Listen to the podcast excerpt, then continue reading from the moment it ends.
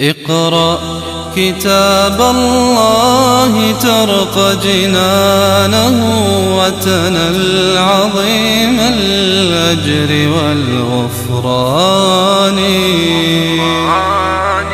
رتله روي القلب من نفحات. زعم الذين كفروا والزعم هو حكاية قول مظنته الكذب في الغالب. ولهذا جاء في الحديث المرفوع عن النبي صلى الله عليه وسلم وفيه آه، سنده ضعف قال بئس مطية الرجل زعموا يعني كل إنسان يعتمد على مجرد الزعم أو الإشاعة دون أن يتحقق أو يتوثق. فهنا هم زعموا. وإن كان الزعم يأتي بمعنى قال كثيرا في لغة العرب زعم الذين كفروا أن لن يبعثوا. فهم أنكروا البعث. وهذا الزعم هو لكفار مكة. وكانوا يقولون أإذا ضللنا في الأرض أئنا لفي خلق جديد.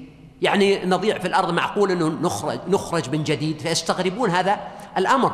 أما غيرهم من الكفار فكثير من الكفار الذين كفروا بالرسل يؤمنون بالآخرة. فإنك تجد عند الأمم الكتابية الإيمان بالدار الآخرة بل عند كثير من الأمم الموجودة اليوم ممن ليست امما كتابية ولا مسلمة عندهم نوع من الاعتقاد بالبعث ولكنه ليس بصورة سليمة وموافقة لما جاءت به الرسل والأنبياء عليهم الصلاة والسلام. فهنا زعم الذين كفروا يعني فئة من الكفار وخاصة كفار مكة الذين كان الكثير منهم ينكرون البعث أو يشكون فيه.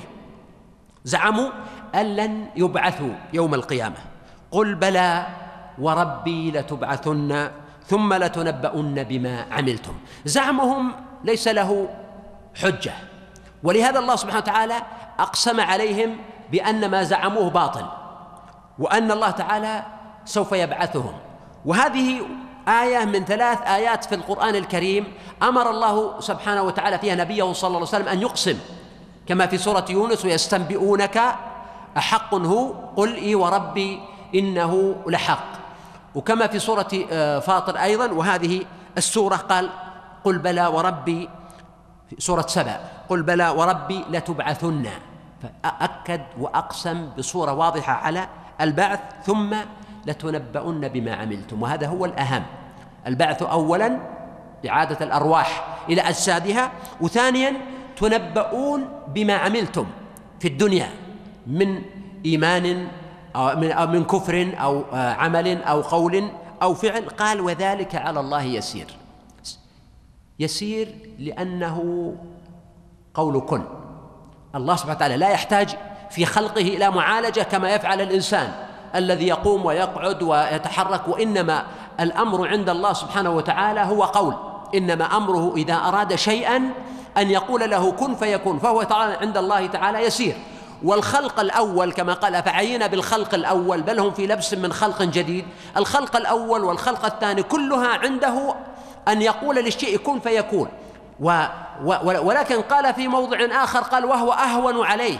يعني في قياسكم وعقلكم لأن الإعادة في آه، مألوف الناس أهون من البدء. البدء أصعب. وأما عند الله سبحانه وتعالى فكله هين كما قال سبحانه كذلك قال ربك هو علي هين لأنه كما قال في أول السورة وهو على كل شيء قدير. فإذا كان سبحانه على كل شيء قدير وهو أخبر بالبعث وأنه يحدث وأقام الحجج على ذلك وأرسل الرسل فأي شيء يمنعكم من الإيمان؟ قال فآمنوا بالله ورسوله. وما زال يكرر عليهم الأمر. الأمر بالإيمان بالله. وهم ربما زعموا أنهم يؤمنون بالله لكن يريد أن يكون إيمانهم بالله إيمانا حقيقيا مطابقا لما جاءت به الرسل وأن يتحول هذا الإيمان بالله من مجرد إيمان نظري عقلي إلى أن يكون إيمان عملي. بعض الناس يؤمن بأن الله موجود ولكن لا يعبده ولا يلتزم بأمره فلا ينفعه هذا الإيمان. لا بد أن يتحول الإيمان بالله إلى إيمان حقيقي ولهذا قال ورسوله يعني ورسله. ومنهم الرسول الخاتم محمد عليه الصلاة والسلام والنور الذي أنزلنا وهو القرآن بقرينة قوله أنزلنا. والله بما تعملون خبير. وهنا لاحظ أنه بعدما قال في الآية السابقة بصير هنا قال خبير انتقل إلى العلم الذي هو أكثر تخصيصا وأكثر تفصيلا العلم بالدقائق والتفاصيل والخفايا والأسرار. والله بما تعملون خبير. يوم يجمعكم ليوم الجمع. يوم يجمعكم. كأن المعنى هنا يجمع أعضاءكم. مثل قوله سبحانه أيحسب الإنسان أن لن نجمع عظامه. بلى قادرين على أن نسوي بنانه. يوم يجمعكم يجمع أعضاءكم ثم تنفخ الروح أو تعود الروح إلى الجسد ويخرج الناس من قبورهم هذا يوم يجمعكم. لإيش؟ ليوم الجمع. يوم الجمع الذي هو يوم اجتماع الناس. سمي يوم الجمع لأن الناس كلهم يجتمعون فيه. سمي يوم الجمع لأنه يجتمع فيها المظلوم والظالم. سمي يوم الجمع لأن كل نبي تجمع له أمته كما ذكر الله سبحانه وتعالى يوم يجمع الله الرسل فيقول ماذا؟ وجبتم. وأيضا من معاني الجمع جمع أعضاء الإنسان بعدما تفرقت. فلهذا سمي يوم الجمع لتنذر أم القرى ومن حولها وتنذر يوم الجمع لا ريب فيه. فريق في الجنة وفريق في السعير. قال يوم يجمعكم ليوم الجمع. ذلك ذلك إشارة إلى علوه وسموه يوم التغابن. ولم يرد في القرآن الكريم لفظ التغابن إلا هنا وهو مأخوذ من الغبن. الغبن هو الخس الخسران. الغبن هو كون الإنسان يبيع سلعة بأقل من ثمنها ويكون الغبن فاحشا ومن هنا أخذ العلماء من هذه الآية ومن غيرها تحريم الغبن يعني خداع الناس بأن يبيع عليهم الأشياء بأكثر من ثمنها أو يشتريها منهم بأقل من ثمنها يعني بشكل واضح وقوي. حدده المالكية مثلا بالثلث ومن الفقهاء من قال الربع ومنهم من قال أنه يختلف من سلعة إلى أخرى وهذا هو الصحيح. لكن قول يوم التغابن وصف ذلك اليوم بيوم التغابن والأصل أن التغابن بين طرفين مثل ما تقول تضاربوا لابد يكونون اثنين الذين تضاربوا. فالتغابن يكون في الأصل بين طرفين ولذلك من معانيه أن المؤمنين يغبنون الكافرين. فقد ورد في حديث صحيح أن أنه ما من إنسان إلا وله مقعد في الجنة ومقعد في النار. فإن كان الإنسان من أهل الجنة ورث مقعد الكافر. والإنسان الذي في النار يعني يخسر مقعده في الجنة فيكون ذلك من معاني الغبن. وبعضهم قالوا أن كل أحد يوم القيامة يقع له غبن كما ورد في بعض الآثار المرفوعة أنه ما من إنسان إلا تمنى أن يعاد إلى الدنيا. إن كان مسيئا حتى يستعتب ويتوب وإن كان محسنا حتى يزداد إحسانا فيكون الغبن يوم القيامة أو التغابن لكل أحد من الناس حتى الإنسان الطيب الصالح الذي عمل الخير يتمنى أن يعود حتى يعمل أفضل. وإذا رأى ما عند الله تعالى من الفضل والكرامة تمنى كما جاء في الحديث يتمنى أهل العافية في الآخرة أن لو قرضوا بالمقاريض في الدنيا حتى يكتب لهم الأجر. قال ذلك يوم التغابن. يعني وليس التغابن في الدنيا بصفقات تجارية قد يشعر الناس بها بالغبن هذا وإن كان غبنا إلا أنه لا يعد شيئا بالقياس إلى غبن الآخرة ولقال ذلك يوم التغابن. يعني لا تغابن إلا حقيقيا إلا في ذلك اليوم. ومن يؤمن بالله ويعمل صالحا يكفر عنه سيئاته. يعني هنا في إشارة إلى نوع من علاج الغبن بالمبادرة أنه بعض الناس قد يشعر بأنه فات من عمره الكثير أو عنده معصية لم يستطع الخلاص منها فيشعر بالخوف. فالله سبحانه وتعالى يفتح له الباب هنا أن الإيمان بالله وأن العمل الصالح في الدنيا يكون سببا في تكفير السيئات كما قال ربنا سبحانه إن الحسنات يذهبن السيئات إذا تستطيع أن تعالج وتخفف الغبن الذي قد تتعرض له يوم القيامة بأن تؤمن وتعمل الصالحات. يكفر عنه سيئاته ويدخله جنات تجري من تحتها الأنهار خالدين فيها أبدا. وقال هنا في شأن أهل الجنة قال خالدين فيها أبدا. دليل على الخلود الأبدي السرمدي الذي لا يحول ولا يزول كما قال سبحانه خالدين فيها لا يبغون عنها. حولا ثم قال ذلك الفوز العظيم في مقابل التغابن فهذا هو الفوز في الجنة. أما الصنف الآخر قال والذين كفروا وكذبوا بآياتنا أولئك أصحاب النار خالدين فيها ولم يقل أبدا. ومن هنا أخذ بعض أهل العلم أن ثمة فرقا بين خلود أهل الجنة وخلود أهل النار. وأن خلود أهل الجنة يعني الخلود الأبدي السرمدي الذي لا يحول ولا يزول وأما خلود أهل النار فهو المكث الطويل الطويل. وهذا ما ذهب إليه في بعض كتبه الشيخ الإمام ابن تيمية وكذلك ابن القيم وذكره شارح الطحوية كأحد قولين لأهل السنة واختاره. آه، رشيد رضا من المتأخرين وألف فيه الصنعاني واختلف أهل العلم في هذه المسألة اختلافا كبيرا. ليس هذا المقام مقام بسطه ويكفي أن نقول فيه أن هذه المسألة من ليست من مسائل الإجماع وليست من القطعيات وإنما هي من مواطن الخلاف التي فيها أقوال لأهل السنة ومن أخذ بقول منها فلا حرج عليه ولا ينبغي أن يطال فيها الجدل لأنها من أمور الغيب والآخرة التي المقام فيها على سبيل التحذير وعلى سبيل الزجر. قال وبئس المصير. ثم قال سبحانه ما أصاب من مصيبة إلا بإذن الله. وهنا الحديث عن المصائب. بعد الحديث عن الكفر. فكأن الأمر متعلق بمصائب يكون سببها هؤلاء الكفار. إما بعدوانهم على المؤمنين أو بالتعذيب أو بالأذى كما هو معروف وكما تعرض له المؤمنون بمكة من عدوان الكافرين. فيكون هذا هو سبب الحديث عن المصيبة.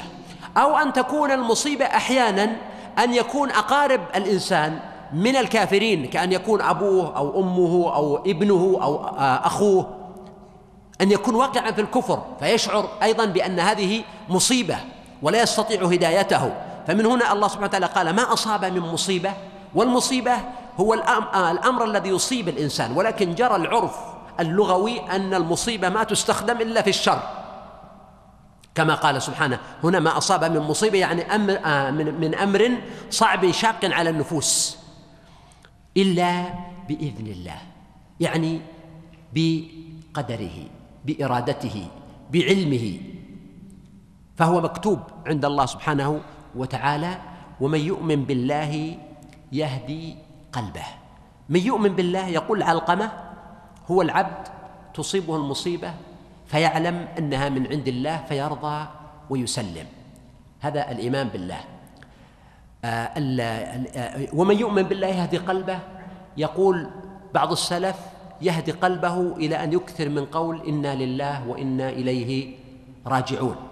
يقول ابن عباس رضي الله عنه ومن يؤمن بالله يهدي قلبه إذا علم بأن المصيبة من الله سبحانه وتعالى وأن الناس لن ينفعوه ولا يضروه وأن المصائب كلها من عند الله عز وجل فهو الضار النافع المعطي المانع.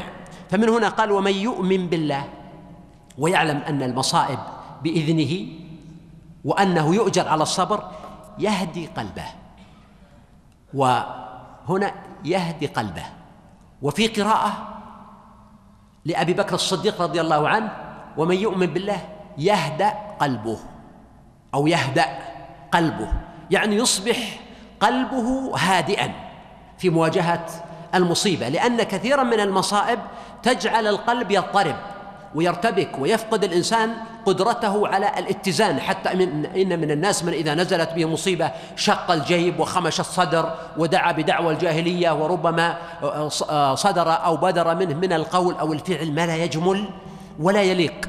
بينما من آمن بالله هدأ قلبه عند المصيبة فرضي وسلم ولجأ إلى قول إنا لله وإنا إليه راجعون وتذكر أجر المصيبة فرضي بها ولذلك كتب أهل العلم ما كتبوا كما تجد في كلام ابن القيم رحمه الله في عدة الشاكرين وذخيرة الصابرين وكما في كتاب جنة الرضا في التسليم لما قدر الله وقضى وكما في الفرج بعد الشدة وغيرها من كتب أهل العلم التي تعلم الإنسان الصبر وأن الحياة يعني لابد فيها من نكد ولهذا يروى أن ذا القرنين لما نزل به الموت وكانت أمه وراءه وحزنت حزنا شديدا فقال لها يا أم إذا أنا مت فاصنعي وليمة وادعي إليها الناس واطلبي أن لا يحضر إلى الوليمة أحد قد أصيب بمصيبة.